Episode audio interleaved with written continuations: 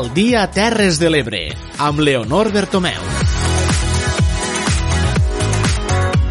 Migdia, benvinguts a l'Aldia Terres de l'Ebre d'avui divendres 24 d'abril. Avui la política torna a ser protagonista de l'actualitat i és que el Parlament de Catalunya debatrà i votarà este divendres a la tarda el projecte de llei de pressupostos de la Generalitat per al 2020. Seran els primers comptes del govern en tres anys que arriben a la cambra i se sotmeten a votació després que s'hagin prorrogat els pressupostos de 2017, els darrers dos exercicis. Els comptes s'han negociat amb el grup de Catalunya en Comú Podem, però la crisi derivada de la pandèmia de la coronavirus ha obert un escenari incert al país que ha portat la Conselleria d'Economia a oferir als grups modificar els números un cop estiguen aprovats per afrontar les eventuals conseqüències econòmiques de la Covid-19. El ple d'avui, que ha començat al matí amb la sessió de control al govern i el president de la Generalitat, Quim Torra, compta amb només 21 diputats al Saló de Sessions, mentre que la resta l'estan seguint pel canal Parlament i podran delegar el vot o fer-ho telemàticament. Dit això, ens centrem ara amb l'actualitat del territori a l'Aldia Terres de l'Ebre, un programa, el d'avui, que com cada dia el farem amb el suport de Tere Giner i Clara Seguí de la Plana Ràdio, de Núria Mora, Clàudia Ruiz i Xavier Falcó de Ràdio Tortosa, de Laia Oltra, Francesc Callau i Daniel Rodríguez de la Cala Ràdio, de Judit Castells i Jonathan Valls de Ràdio Joventut, Eduard Carmona des de Ràdio Delta i de Tomàs Ginestra, Jordi Galo i Manel Ramon des de Amposta Ràdio. Com cada dia, comencem amb el repàs als titulars de la jornada.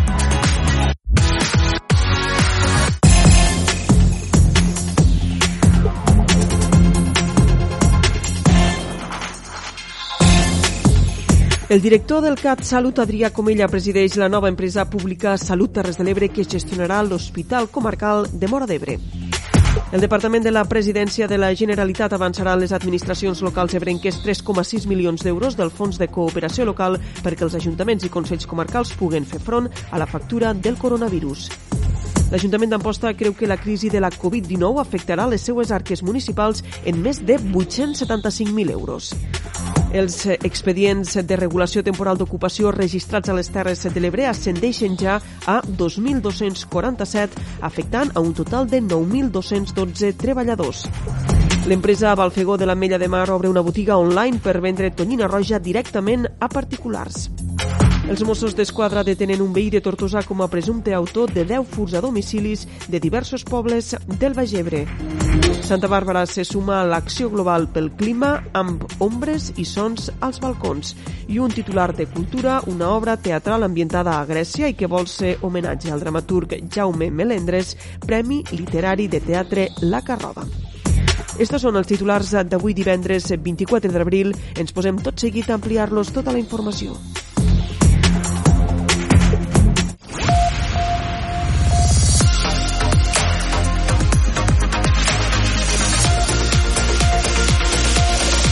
Al dia. Les notícies de les Terres de l'Ebre. Comencem el repàs a l'actualitat a l'Aldia Terres de l'Ebre, destacant que el director del Servei Català de la Salut, Adrià Comella, presideix des d'ahir dijous el Consell d'Administració de Salut Terres de l'Ebre, l'empresa pública que gestionarà l'Hospital Comarcal de Mora d'Ebre i que pot acabar adquirint també altres responsabilitats de gestió sanitària al territori. Ens informa Víctor Montecino. Adrià Cornella Carnisser ha estat nomenat el primer president del Consell d'Administració de l'empresa Salut Terres de l'Ebre. Este dijous s'ha fet de manera telemàtica la reunió constitutiva del Consell d'Administració, després que el govern preguntés l'acord dimarts de designar la presidència, vicepresidència i les vocalies. En virtut de l'article 7.3 dels estatuts, correspon al govern de la Generalitat a proposta de la persona titular del departament competent en matèria de salut i prèvia designació del Servei Català de la Salut a través de la seva seva direcció la designació dels membres del Consell d'Administració. Amb esta premissa s'ha designat Adrià Comella com a president i Ivan Plana com a vicepresident i Maria del Mar Lleixà, Mercè Salvat, Gemma Karim, Xavier Rodríguez i Romà Vilanova com a vocals. És una eh, llarga aspiració d'aquest hospital, dels seus treballadors i del conjunt de sanitaris d'aquesta comarca i d'aquestes terres i que amb la constitució d'aquesta nova empresa de dret públic eh, veuran aquest anel eh, complert.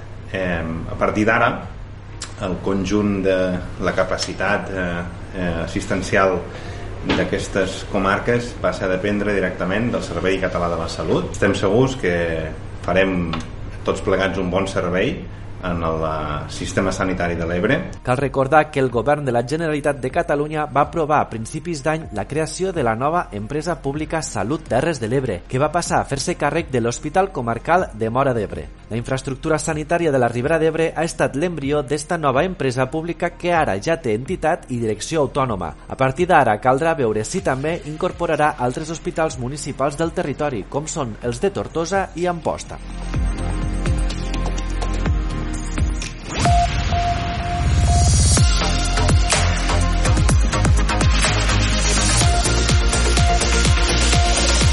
Al dia. El govern de la Generalitat avançarà en guany la meitat del Fons de Cooperació Local de Catalunya, 3,6 milions d'euros en el cas de les Terres de l'Ebre, perquè els ajuntaments i consells comarcals puguen fer front a la factura del coronavirus. Es tracta d'un ajut destinat a les administracions locals per fer front a despeses i inversions de la seva competència. Entre tots els detalls, Clàudia Ruiz, des de Ràdio Tortosa. Aquest avançament respon a la voluntat de que els ens locals disposin d'una injecció de liquiditat. Aquests recursos hauran d'ajudar a afrontar les despeses que se'n deriven de l'actual crisi del coronavirus, sempre que sigui de la seva competència. L'any passat s'hi van destinar a les Terres de l'Ebre un total de 7 milions d'euros. Ara, amb aquest avançament, les entitats ebrenques rebran 3,6 milions d'euros. Rosa Peig és la directora territorial a la presidència a les Terres de l'Ebre cas, en el fons de, de cooperació local, és un ingrés que va directament des de la Generalitat eh, als ajuntaments, consells comarcals i entitats municipals descentralitzades. Nosaltres, amb la publicació al DOC, el que hem fet ha sigut traspassar aquests diners que formen part del, nostre, del pressupost del nostre departament al Departament d'Economia. I el Departament d'Economia, estic segura que tan aviat com pugui, doncs els farà efectius als ajuntaments. Aquesta no ha estat l'única mesura presa pel govern davant l'actual crisi. Els ajuntaments que van sol·licitar la línia de dinamització territorial, és a dir, aquells de menys de 2.000 habitants, veuran ampliat el termini d'execució de les obres davant la paralització de moltes d'elles a causa de la pandèmia. A més, a finals d'abril es preveu avançar aquest finançament de l'ajut per finalitzar-les sense problemes. I juntament amb els Consells Comarcals, el govern ha garantit una ampliació dels terminis dels programes FEDER i PEC del programa 2014-2020. Peig també ha puntualitzat que els municipis de menys de 5.000 habitants que esperen la valoració i atorgació del Pla Únic d'Obres i Serveis rebran la resolució provisional quan finalitzi l'estat d'alarma. Aquesta subvenció permet als petits municipis invertir en equipaments i serveis municipals per afavorir el reequilibri territorial. Ens fixem ara en el cas d'Amposta, ja que l'Ajuntament creu que la factura de la Covid-19 afectarà les arques municipals en més de 875.000 euros. L'alcalde, Adam Tomàs, reclama a l'Estat i a la Generalitat que injecten liquiditat als municipis. És una crònica de Manel Ramon des d'Amposta Ràdio. L'Ajuntament d'Amposta calcula que la crisi generada pel Covid-19 pot acabar suposant una factura de 850.000 euros a les arques municipals. Són els càlculs de que es poden de deixar d'ingressar en impostos, tributs i serveis suspesos arran del coronavirus, sumats als recursos destinats a pal·liar la situació de famílies i teixit productiu de la localitat. Adam Tomàs preveu les principals repercussions en els mesos d'abril i maig, però en alguns casos concrets es poden acabar allargant tot l'any i, en qualsevol cas, podrien acabar qüestionant i condicionant el pròxim pressupost municipal. Així ho explicava l'alcalde d'Amposta. No, no crec que afecti a la, a la capacitat de l'Ajuntament, però sí que afectarà segurament a haver-nos de plantejar què fem l'any que ve.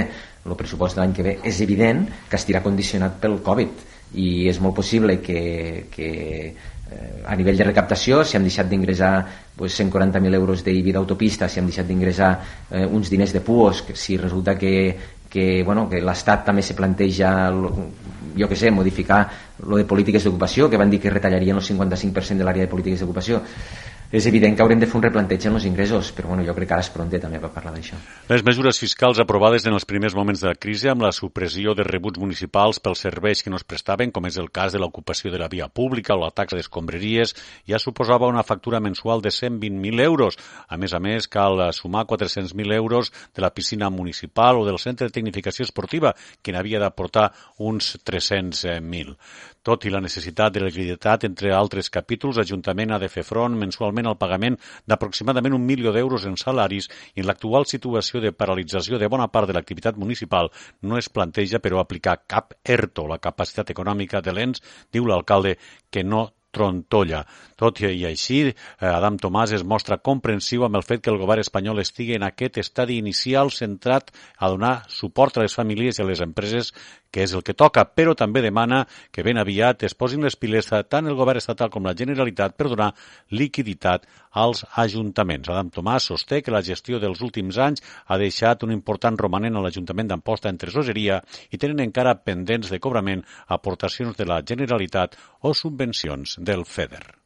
Fem ara balanç al dia Terres de l'Ebre de la xifra dels expedients de regulació temporal d'ocupació que ens deixa la pandèmia de la Covid-19. Actualment, més de 9.000 treballadors de les Terres de l'Ebre estan afectats per algun ERTO i ja se n'han presentat 2.247 al territori. Ens informa Judit Castells. Doncs sí, a Catalunya ja hi ha registrats 93.541 expedients de regulació temporal d'ocupació amb un total de 685.000 treballadors que hauran d'anar a l'atur temporalment segons les últimes dades actualitzades pel Departament de Treball, Afers Socials i Famílies. Les persones incloses en un expedient ja representen el 19,6% de la població ocupada a Catalunya a finals d'any.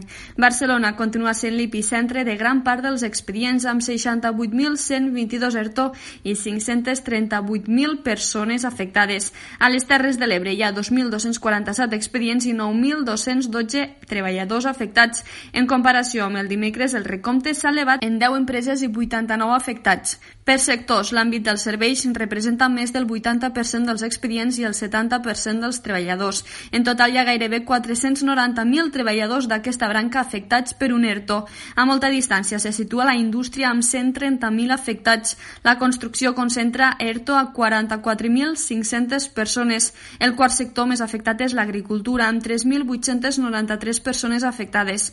La restauració i els serveis de menjar i begudes són els més afectats, seguits pel comerç al detall que continua a la llista de subsectors més castigats d'aquesta crisi. Des de que va començar l'estat d'alarma per la Covid-19, el dia que es van presentar més expedients temporals va ser el 25 de març amb un augment de 10.774 expedients i 71.170 treballadors. El ritme de creixement dels expedients va començar començar a baixar abans de Setmana Santa. Enfront a aquesta xifra d'ERTOs que s'han presentat ja a les Terres de l'Ebre, moltes empreses del territori el que estan fent és reinventar-se per fer front als efectes que deixa el coronavirus a l'economia. Un exemple és el grup Balfegó, que ha obert una botiga online per vendre tonyina roja congelada directament a particulars. Ens informa des de la Cala Ràdio Daniel Rodríguez. El tancament del sector de la restauració pel coronavirus, el seu quasi únic client, ha fet que el grup tonyinaire de la Mella de Mar hagi obert un canal de venda adreçat als particulars. Al web s'ofereixen diferents parts de la tonyina, com el llom o la ventresca, que s'envien a domicili en un màxim de 48 hores. El director general de Balfegó, Juan Serrano, explica que la botiga online permet donar sortida a l'estoc de 200.000 quilos de tonyina congelada a manca de producte fresc, ja que les seves piscines d'engreix es van veure afectades pel temporal temporal Gloria y avanza también que en un futuro podrían vendre plats precuinats. Nosotros en estos momentos, eh, debido al, al Gloria, estamos sin atún fresco y lo que estamos haciendo es vender el stock que tenemos de atún congelado que evidentemente oh, eh, es, es de la misma de la misma calidad, no hay diferencia alguna.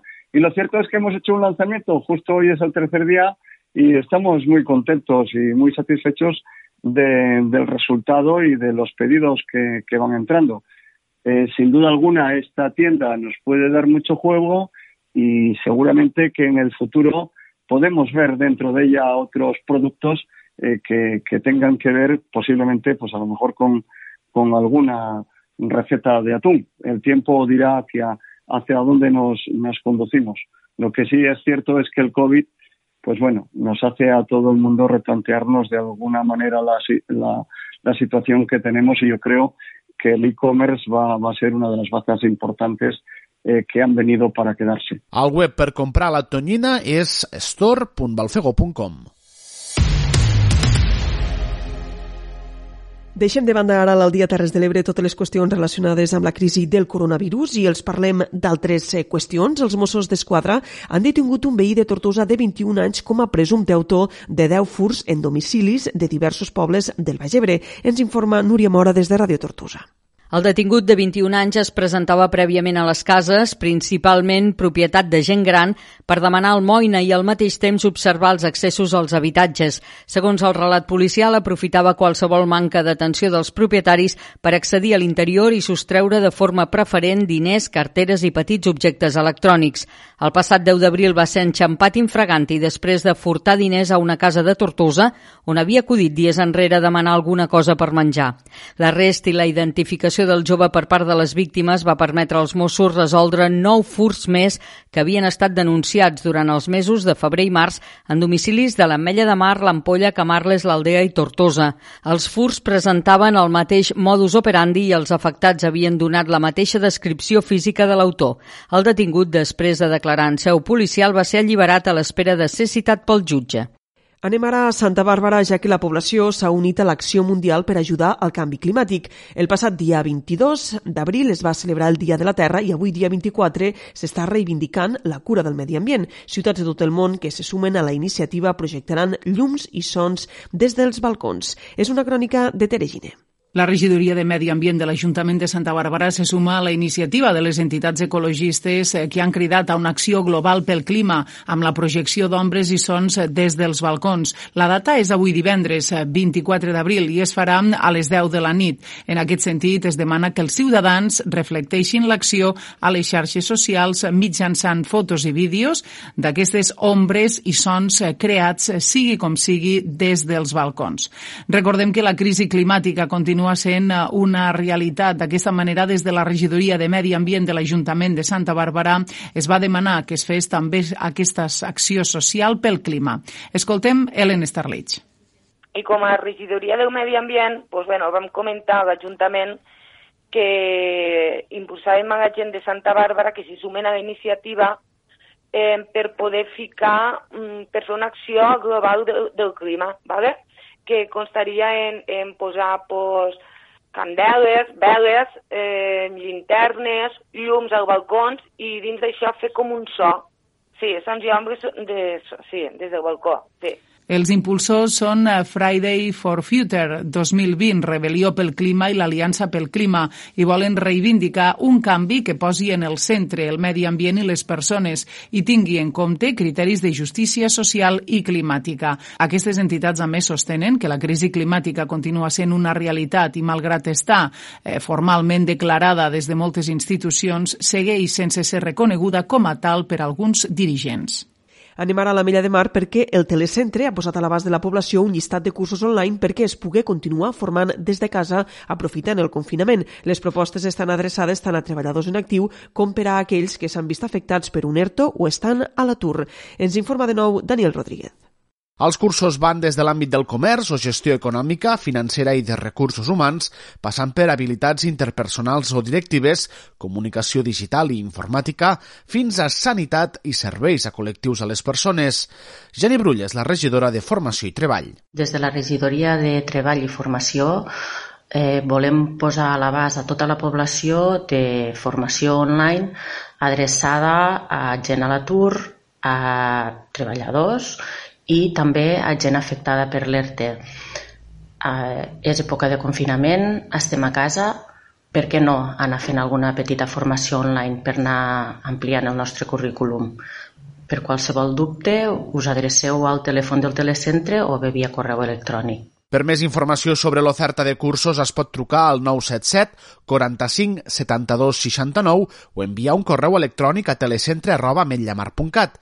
A banda, des del telecentre es continua gestionant la borsa de treball i el nou servei d'informació d'ajudes al treball, adreçat a autònoms i empreses del municipi. I a Santa Bàrbara l'Ajuntament segueix recordant a la ciutadania la importància de dipositar les deixalles al seu lloc i és que estos darrers dies s'ha detectat un increment de guants escampats a les sortides d'establiments i de deixalles fora dels contenidors. És així, Tereginer?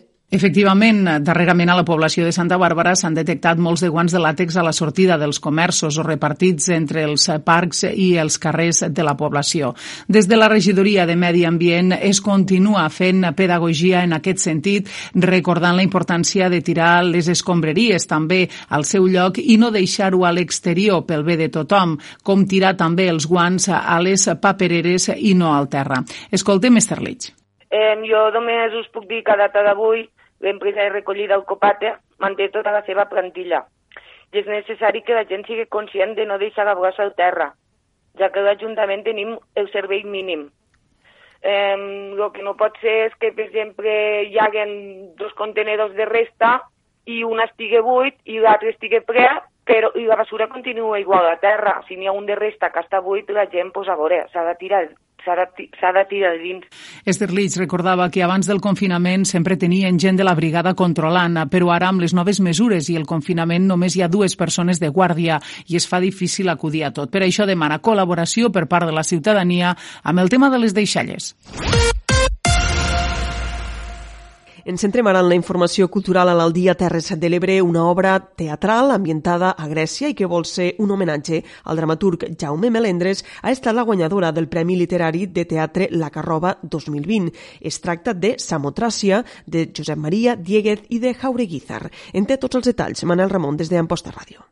Doncs així és, l'obra es situa a Atenes. Un director de teatre rep l'encàrrec del govern grec de preparar una obra teatral a partir d'un fragment inèdit d'Heròdot, que just acaba de localitzar.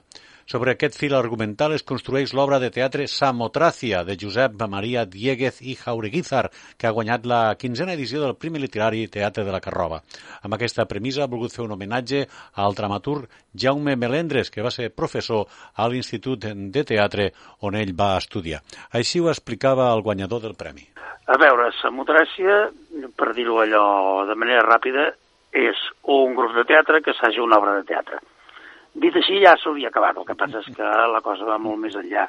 O sigui, d'entrada, sobretot, Samotràcia és un homenatge que jo faig a un antic professor meu a l'Institut del Teatre de Barcelona. Jo sóc de Vic, però vaig estudiar allà a l'Institut del Teatre, i allà vaig topar amb un professor que es deia Jaume Malendres, que bé, em va, és qui em va influir més i em va ajudar a ordenar les meves idees sobre, sobre el fet teatral.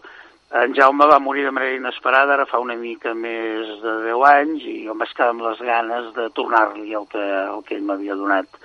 Llavors, com que a banda del professor, autor i director de teatre era mm, un gran teòric i ha deixat cosa escrita, jo he agafat els seus llibres i la idea ha estat um, donar a conèixer el seu pensament. La doncs no les paraules del guanyador d'aquesta nova edició del Premi Literari de Teatre La Carroba. Aquesta és la segona ocasió en què aquest escriptor, Josep Maria Dieguez, guanya el premi. L'altre va ser fa 13 anys. El Premi Literari de la Carroba, que té un caràcter bienal, està convocat per l'Institut d'Estudis del Montsià i la Regidoria de Cultura de l'Ajuntament d'Amposta amb la intenció d'incentivar i reconèixer l'escriptura teatral. Pel que fa a la informació esportiva, avui destaquem que la Federació Catalana de Futbol ha donat per acabada la temporada en les competicions territorials a causa de l'emergència sanitària per la Covid-19. L'ens federatiu plantejarà una consulta als clubs catalans per decidir com s'acaba la temporada en les diferents categories. Ens informa des de Ràdio Tortosa, Vicky Magí. La Federació Catalana de Futbol va celebrar ahir la reunió telemàtica de la Junta Directiva corresponent al mes d'abril i va acordar donar per finalitzades totes les competicions de la temporada 2019-2020 que depenen de l'ens federatiu en les modalitats de futbol, futbol sala i futbol platja a causa de la situació provocada pel coronavirus. Joaquín del Pino, delegat de la delegació ebrenca de la Federació Catalana de Futbol, valora aquesta decisió. Hem estat lluitant fins a última hora per la possibilitat de poder-la continuar, però la situació en què vivim per culpa del coronavirus ha fet que això, teòricament, sigui totalment imprevisible i a part d'això que sabeu que també que la majoria de les eh, competicions s'havien de disputar dins els diferents estadis que perteneixen a la majoria dels ajuntaments i com sabeu estan tots en aquest cas tancats i no es pot fer cap tipus d'activitat esportiva. Ahir també es va anunciar que al llarg de les properes setmanes s'obrirà una consulta entre els clubs catalans per conèixer la seva opinió sobre la conclusió dels campionats i es podran pronunciar sobre com resoldre els ascensos i descensos. La majoria gent suposo que es preguntarà quan farem aquesta consulta, quan, a quina data, eh, què, què preguntarem. Eh, això volem eh, agafar-ho en una miqueta de, de, de seny i a poc a poc perquè eh, volem mirar les repercussions jurídiques que puguen tindre la decisió que es pugui prendre. I quan se faci la pregunta se farà ja totalment eh, argumentada en base a quins arguments jurídics podem aplicar-li. i, i serà molt important l'opinió dels clubs i en base a aquesta opinió majoritària se prendrà la decisió per part de la, de la Junta Directiva.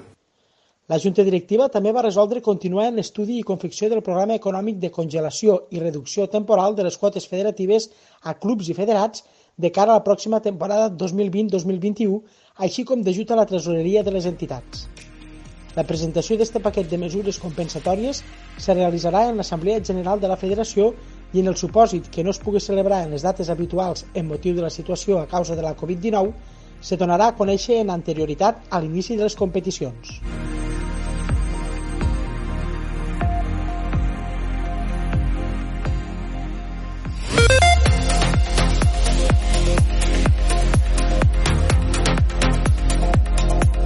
La gent gran i en especial la que es troba ingressada en residències són dels col·lectius més afectats per la crisi sanitària del coronavirus. Avui, a l'espai de l'entrevista, Susana Cases ha pogut parlar amb Cinta Pasqual, directora general del grup Lonada i presidenta de l'ACRA. Us deixem amb la conversa. Segons dades del Departament de Salut, fetes públiques aquesta setmana mateix, hi ha confirmats més de 8.000 casos positius de coronavirus en persones eh, que tenim a les nostres residències en gent gran i més de 14.000 sospitosos i representen eh, el 50% de les defuncions que estan havent a Catalunya. Avui ho abordem amb Cinta Pasqual, directora general del Grup Donada i presidenta de l'Associació Catalana de Recursos Assistencials. Benvinguda a l'espai de l'entrevista. Molt bon dia. Estem parlant eh, del col·lectiu més vulnerable i que el virus més ha massacrat. Bé, estem parlant, això ho, ho sabíem sempre, és a dir, les dades estadístiques eren molt clares, la gent gran, eh, el percentatge d'èxitus era exactament, podia triplicar lo de la gent en funció de l'edat que tenia, la gent més jove, i per tant això ja ho sabíem, per això nosaltres ja el 12 de febrer vam alertar a Salut Pública dient que, que ens preocupava moltíssim que buscàssim un pla i un protocol, ens van dir en aquell moment primer no ens van contestar, després la nostra insistència ens van dir que això era una grip i que havíem d'estar tranquils.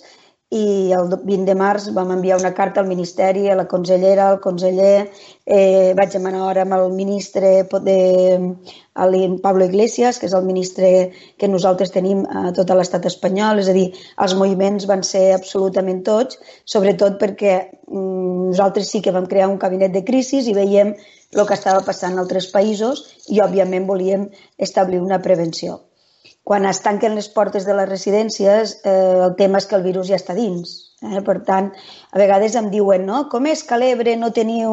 Eh, heu parat el virus? Jo, jo dic sempre que eh, l'Ebre hi ha entitats que, que treballen molt bé, no, no hi ha cap dubte, però el virus està, si mirem el mapa de Catalunya, està molt concret a, a l'àrea metropolitana i sobretot a la ciutat de Barcelona. Per tant, allà agrupa, crec que no sé si parlem del 80 o 90% dels morts.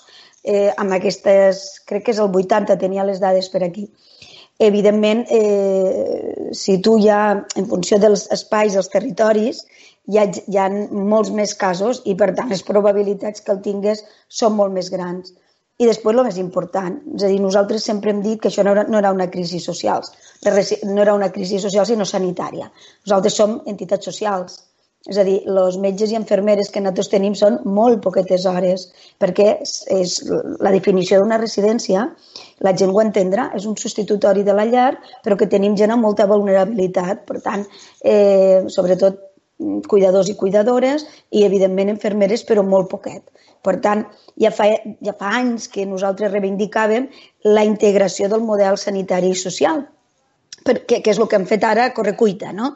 Perquè, evidentment, eh, nosaltres necessitem oxigen, les nostres eh, persones grans eh, ten, són molt vulnerables i tenen moltes pluripatologies i hi ha moments que necessiten oxigen i per a ficar oxigen no calia traslladar-los a un hospital, ho podien fer a la residència. I tot això ja se sabia. De fet, hi ha informes eh, que signo jo fa 12 anys que ja, ja feia una reivindicació del que necessitàvem a les residències per poder atendre les 57.000 persones més vulnerables del nostre país. Llavors, eh, el que ha fet aquesta situació és posar en evidència que, eh, que, que necessitàvem recursos sanitaris i no, i no recursos socials. Parlava del 12 de febrer, estem d'abril i segueixen demanant material de protecció, els testos no se n'estan fent, també els segueixen reclamant i també a Catalunya hi ha més de 5.000 professionals del al sector aïllats. A veure, els EPIs comencen a arribar, eh? Més vale tarde que nunca, jo les coses les dic sempre, és dir, han arribat aquesta setmana a totes les residències eh, i han, clar, on hi ha Covid tot és insuficient perquè se'n gasten moltíssims, no? On no n'hi ha Covid doncs anem molt millor. El que pel que fa als, als PCRs, el test ràpid a nosaltres no ens serveix. És a dir, el, el PCR serveix, el test ràpid, quan ja tens el PCR fet, llavors passes al test ràpid i saps una mica amb la situació que està la malaltia. Eh? A nivell d'anticossos, ja, els, ja l'has passat, una mica tota, tota l'explicació. Per tant, nosaltres necessitem PCRs. Què està passant ara quan surten? Ara es fan els PCRs, que en principi ens han dit que en 10-15 dies acabaran. Clar, per una residència que té Còvics és molt tard, eh? però ja estem parlant amb ells perquè acceleren aquells centres on hi ha Còvics i els altres es poden deixar per a, per a les properes setmanes o els propers dies. Quan fem la foto del PCR, ens trobem que nosaltres ens havien donat uns protocols molt clars. Quan tu trobes gent amb febre i tos, i nosaltres afegíem febre, tos i, i saturació, eh, has d'aïllar aquelles persones perquè com no tenim PCR els has de tractar com un Covid i ja vindrem quan puguem. Clar, això és el que hem anat fent. Ara, quan se passa al PCR, te'n dones compte que hi ha gent asimptomàtica i molta. Val? Fins i tot nosaltres, com nada, hem col·laborat amb la muntatge de dues clíniques a Barcelona per a albergar a Covid-19 i, a, i ara, avui, demà, a Sant Jordi, posem en marxa un hotel per albergar a persones sense Covid. L'ONADA ja va dir, escolteu, vos ajudarem amb tots els nostres recursos i, per tant, eh, posarem professionals a, a, a ajudar al sector que fan falta mans en aquests moments. I ho dic perquè, en principi, pensàvem que el que necessitaríem més eren espais per albergar Covid, gent amb Covid-19. I ara ens estem donant compte que quan fas la foto quasi que hi ha més gent amb Covid que sense. Per tant, hem de treure a les persones no infectades. Per això posem en marxa demà aquest hotel per albergar gent eh, sense Covid. I, imagineu els secs que, era, que anàvem. Jo dic que portàvem una súper eh, als ulls, un, un mocador fos, fos, fos, i, i, i no teníem eh, cap manera de saber que aquestes persones són asimptomàtiques. Ser asimptomàtic no vol dir que tu no contagies. Val? Per tant, has passat una etapa de contagi i, i evidentment, eh, aquí ha estat la manca, quan algú diu és possible que morguen tanta gent a una residència, és molt fàcil.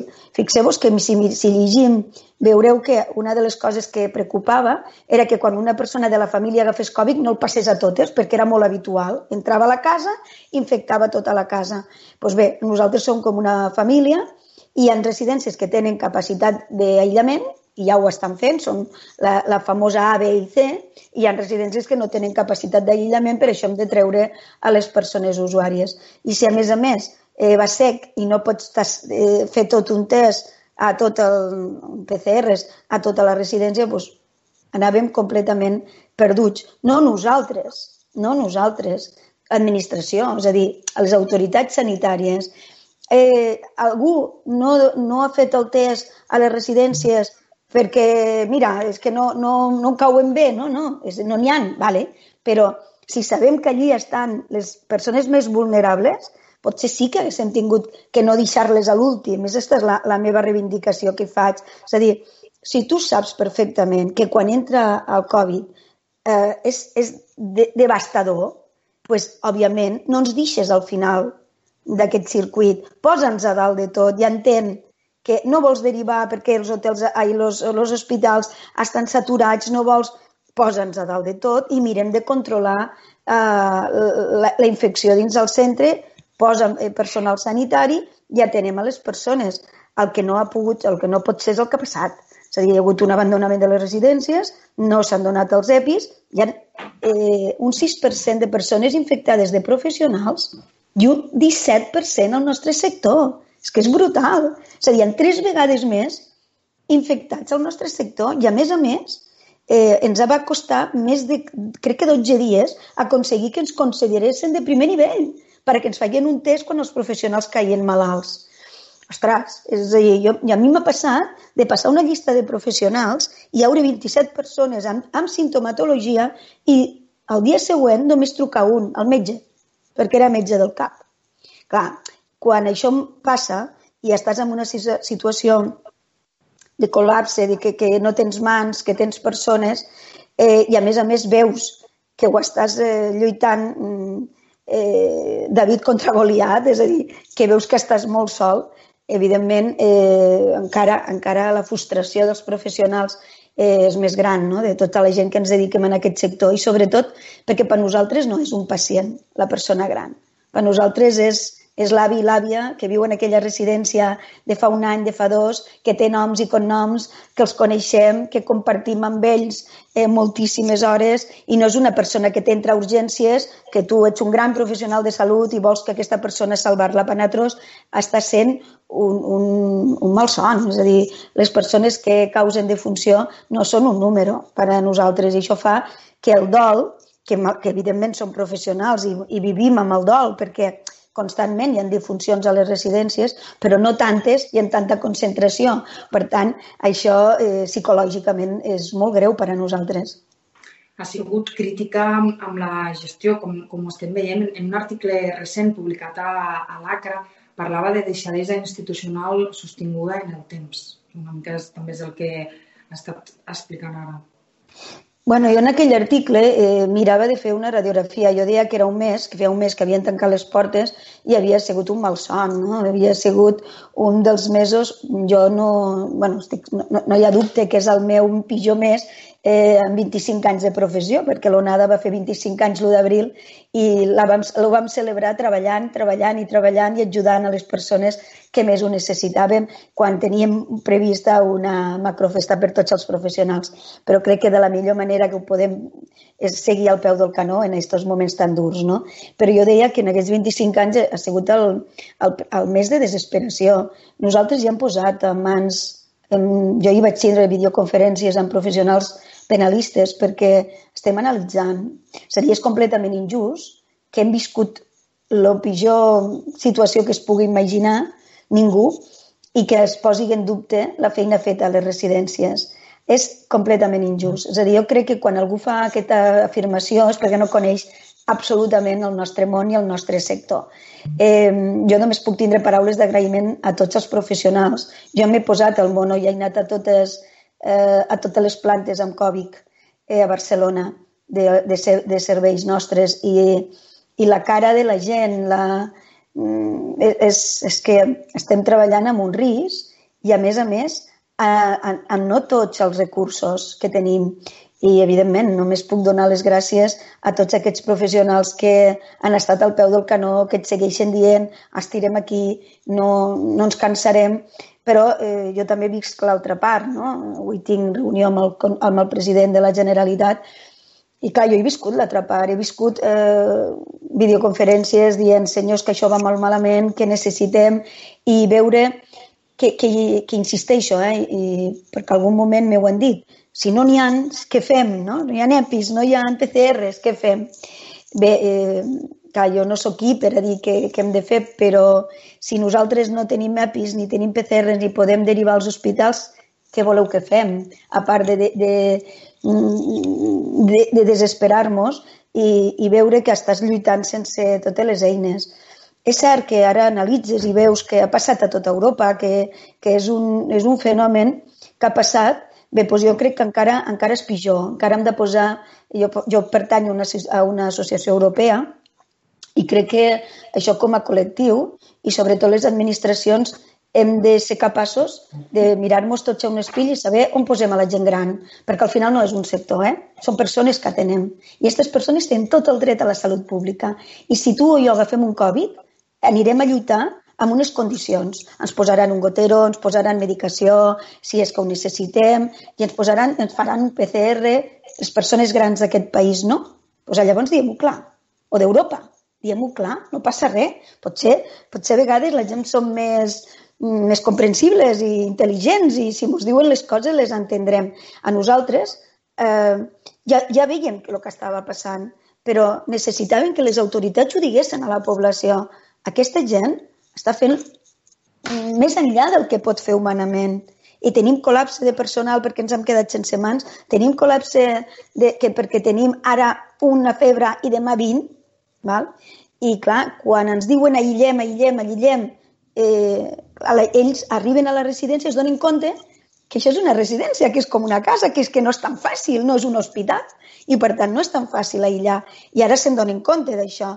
És que abans no ho sabien qui érem, lo, lo, no sabia salut qui érem. Clar, nosaltres eh, hi ha hagut una manca de coordinació durant sempre entre salut i benestar, una manca reivindicada pel sector. I ara, amb una crisi tan brutal com la que hi ha, doncs, bueno, han posat, s'ha vist claríssimament que aquesta manca que nosaltres reivindicàvem era una realitat. I ara estem a salut, estem intentant solucionar-ho i espero que ho aconseguim. Però, però igualment jo no em cansaré de donar el condol a totes aquelles persones que han perdut la vida a una residència i a tots els professionals que han viscut el, el dol eh, d'una forma eh, a primera, a primera eh, amb, la pell, amb la pell de gallina i a, primera, a primer nivell. Ara, depenent del Departament de Salut, eh, creuen que serà l'hora de la veritat d'abordar de totes totes un canvi de model i que ja es quedaran penjant, podríem dir, del Departament de Salut? Bé, jo crec que... Jo, jo espero que ningú es plantegi no tornar a estar a salut. Ho ve claríssim. Eh, no ho sé, avui a la videoconferència espero que ens clarifiquen aquestes... Eh, com, com quedarà. També t'he de dir que em preocupa molt el futur i em preocupa molt el model que desenvoluparem tots plegats perquè gent gran hi haurà molta. Penseu que en 30 anys duplicarem les persones grans amb dependència. Quan es va posar la mesura de que la gent podia marxar cap a casa, em van preguntar eh, què, què pensava. I jo els ho vaig dir. Em sembla diguem, políticament correcte que una persona que ara estan a casa perquè estan en confinament vulgui cuidar el seu pare i la seva mare, que se li doni l'oportunitat de fer-ho però no hi haurà ni, ni l'1% ni el 2% de persones que se n'aniran. I em van dir per què? Dic, és que és molt fàcil. És a dir, les persones que estan en una residència o tenen demència avançada, i això vol dir que se'ls ha donat el menjar a la boca, això vol dir que es desperten a les 3 del matí, això vol dir que, evidentment, no tenen control dels seus esfínters, que necessiten banys adaptats, eh, o tenen persones amb un estat físic molt avançat, en recuperacions d'ictus, amb cadires de rodes més del 60%. Per tant, les cases no estan adaptades amb això. I això pot passar que hi hagi un 1%, un 2%, jo vaig dir un 2-3 i m'he equivocat, era menys, no? No he superat l'1% però és que era real, és que eh, les famílies, hi ha famílies que venen tots els dies a veure els seus familiars, però cuidar-los és impossible. Eh? Jo ara que estic analitzant un hotel i alguns hi ha banyera, dius, és impossible, nosaltres no, no és el perfil. La gent ha de saber quin perfil de persones és i és persones amb molt alta dependència. Fa més de 10 anys que no accedeix ningú en grau 1. Tothom és en dos i en tres. Això ha fet que eh, abans teníem una, una esperança de vida a la residència que voltava els 4 anys i mig, ara és dels dos i mig, el màxim que està una persona, perquè entra a la seva última etapa de vida. I nosaltres pensem que ha de ser una etapa de molta calidesa, d'un acompanyament a la mort molt càlid i d'un suport sanitari especialitzat. Per tant, mm, que aquesta gent eh, afectés molt el Covid era, era claríssim. També és curiós com hi ha gent asimptomàtica a les residències i també són gent en pluri.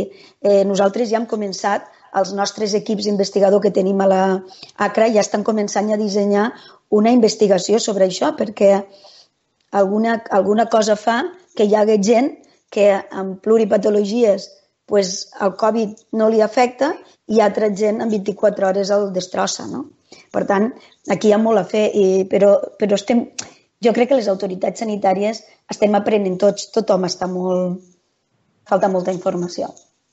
Hi ha hagut alguns casos, hem vist també arreu de l'estat espanyol que han arribat fins i tot a, a la Fiscalia, no s'han fet bé les coses bé a tot arreu, però com valorava? Perquè sempre els casos com més excepcionals també són dels que se n'acaba fent més... Sí, més Mira, jo, jo ja llegia aquest matí algun cas que m'han passat d'alguna altra part d'Espanya que Fiscalia eh, havia fet eh, primer des diligències prèvies i eh, hi havia un cas que m'ha sorprès eh, gratament perquè l'informe ens donava tota la raó a les residències. Ens deia que han estat abandonats.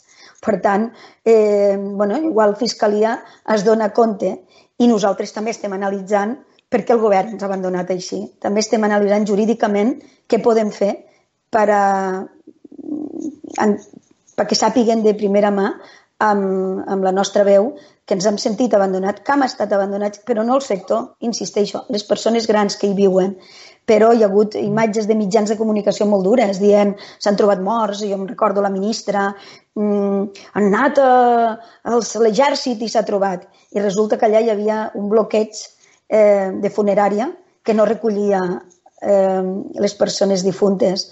Imagineu lo dur per aquella residència que trucava i trucava i trucava i trucava i la funerària no recollia perquè faltava un certificat de defunció que ningú feia perquè estaven completament col·lapsats.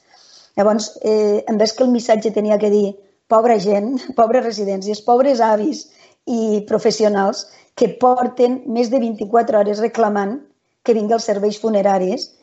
Després d'aquestes actuacions es va fer un, una real, una, un decret llei que deia que, que nosaltres teníem dret a demanar part en cas de col·lapse funerari, caps de col·lapse de, de personal i, col, i col·lapse epidemiològic. Però, en canvi, per què no sortien les autoritats dient no, no, perdoneu, no fiqueu la foc a la residència, que aquesta residència fa tres dies que ens ha avisat i no hem anat. Mm? Això és el que ha passat. Això és el que ha passat i això és el que nosaltres estem analitzant. Eh, creiem que, que aquestes, aquesta imatge mediàtica que s'està donant és completament errònia. Eh, jo no parlo d'herois ni d'heroïnes, però sí de donar gràcies. Jo a vegades quan a les 800 aplaudiments dins del sector diem que ens aplaudim a, a nosaltres mateixos perquè som els grans abandonats. Eh? Eh, ningú posa en dubte, i jo sóc també el primera que, que felicito el personal sanitari per la feina feta, però també m'agradaria que ells ens felicitessin a nosaltres perquè si no hem derivat a les 8.000 o 9.000 o 10.000 persones infectades als hospitals, suposo que els hem ajudat molt, no? A que el seu col·lapse sigui menor. Potser ens haurien d'aplaudir diàriament perquè no ens deixaven derivar-los i allí és on havien d'haver estat, els hospitals de Buig. Per tant, potser els sanitaris ens haurien d'aplaudir també. Arribem al final de l'entrevista. Abans hem estat eh, parlant d'aquesta fotografia general que a les Terres de l'Ebre sí que és un tant diferent. Eh, com està la situació a hores d'ara? Quants casos i residències hi ha a les Terres ja? Jo crec que, a veure, eh, jo mm, crec que n'hi ha hagut alguna, però jo puc, eh, bueno, nosaltres en aquests casos, en aquests moments, eh, no, no, tenim, no tenim cap cas, però a més només vam tenir un cas que va vindre a l'hospital, que va vindre sense la prova i, i tenia Covid, però la persona ja està a la residència i s'ha recuperat, està perfectament. Per tant, eh, bueno, jo dic que no ho hem celebrat i no vos hem avisat als mitjans que torna una persona eh, amb 80 i tants anys recuperada. Aquesta persona va agafar el Covid a l'hospital, ens el van tornar, nosaltres la vam detectar, vam tindre aïllats els seus companys i companyes i el personal que havia tingut contacte, però avui ja està, a una està al seu llit i a la seva residència i, a més, amb perfecte estat de salut dins de les seves patologies, que les té totes. Eh? Per tant, eh, crec que això és una molt bona notícia, no? I un dia em deien, conteu més, i vaig dir, és que ja ho farem quan s'acabe, no? Les, les persones, però bueno, no, no hem tingut, estan, ja crec que s'han fet tests massius a diverses residències ja del nostre grup i també de companys i companyes de l'Ebre que tots plegats hem fet una gran feina, però mm, no, jo no, no vull dir que nosaltres l'hem fet. Nosaltres hem tingut una gran sort, una gran sort d'estar un territori que no ha entrat el Covid. Per tant, són bons equipaments? Sí, ho són, estan funcionant, mm, sí, eh, però també els, la sanitat a l'Ebre ha funcionat. I quan hi ha hagut un cas ens han fet en seguida el PCR i en seguida l'han derivat a l'hospital. Per tant, aquí sí que ha estat una feina feta en conjunt amb el Departament de Sanitat de les Terres de l'Ebre i en les residències del territori. Ha funcionat el sistema sanitari a l'Ebre i ha, i ha passat el que nosaltres diem, si funciona el sistema sanitari i nosaltres ens sentim recolzats, fem els aïllaments corresponents, aquí funcionarà, ja ha funcionat. És a dir, la nostra teoria, els nostres procediments han demostrat que el territori on salut ha funcionat, nosaltres també hem funcionat. I això ha estat sense dubte, una feina feta a conjunt amb el Departament de Salut i el Departament d'Afers Socials del territori i, per suposat, amb totes les residències i davant de tots els professionals del sector. Cinta Pasqual, presidenta de l'Associació Catalana de Recursos Assistencials i directora general del grup Lunada, moltes gràcies per aquests minuts i per ser a, a l'entrevista. Moltes gràcies a vosaltres. Vagi bé. I abans d'acabar el programa d'avui divendres de l'Aldia Terres de l'Ebre, els volem explicar com es va viure ahir el Sant Jordi confinat en algunes de les poblacions de casa nostra. És una crònica de Judit Castells. Sant Jordi des de casa, sí, però qui ha dit avorrit?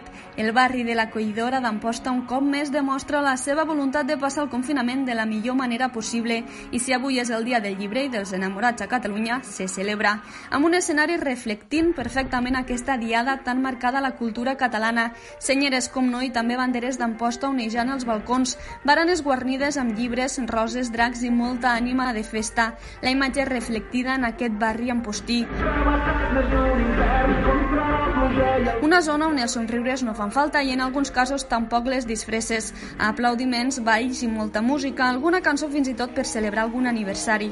Sens dubte una manera de fer comunitat i gaudir d'una diada confinada sense precedents que molts immortalitzen amb les seves càmeres i telèfons mòbils.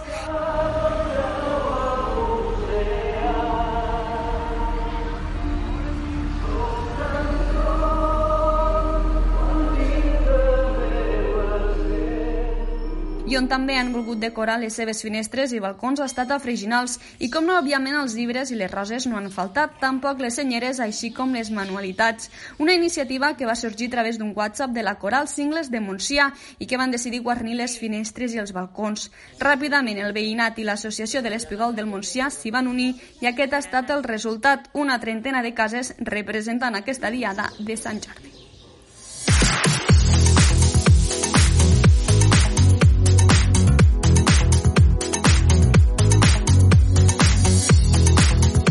Aquí l'edició d'avui divendres de l'Aldia Terres de l'Ebre. Ens despedim fins dilluns. Que tinguin molt bon cap de setmana. Els recordem que este programa, com cada dia, l'hem fet amb la col·laboració de la Plana Ràdio, Ràdio Tortosa, la Cala Ràdio, Ràdio Joventut, Ràdio Delta i Amposta Ràdio. Això és tot. Ens retrobem el pròxim dilluns. Que tinguin un molt bon cap de setmana.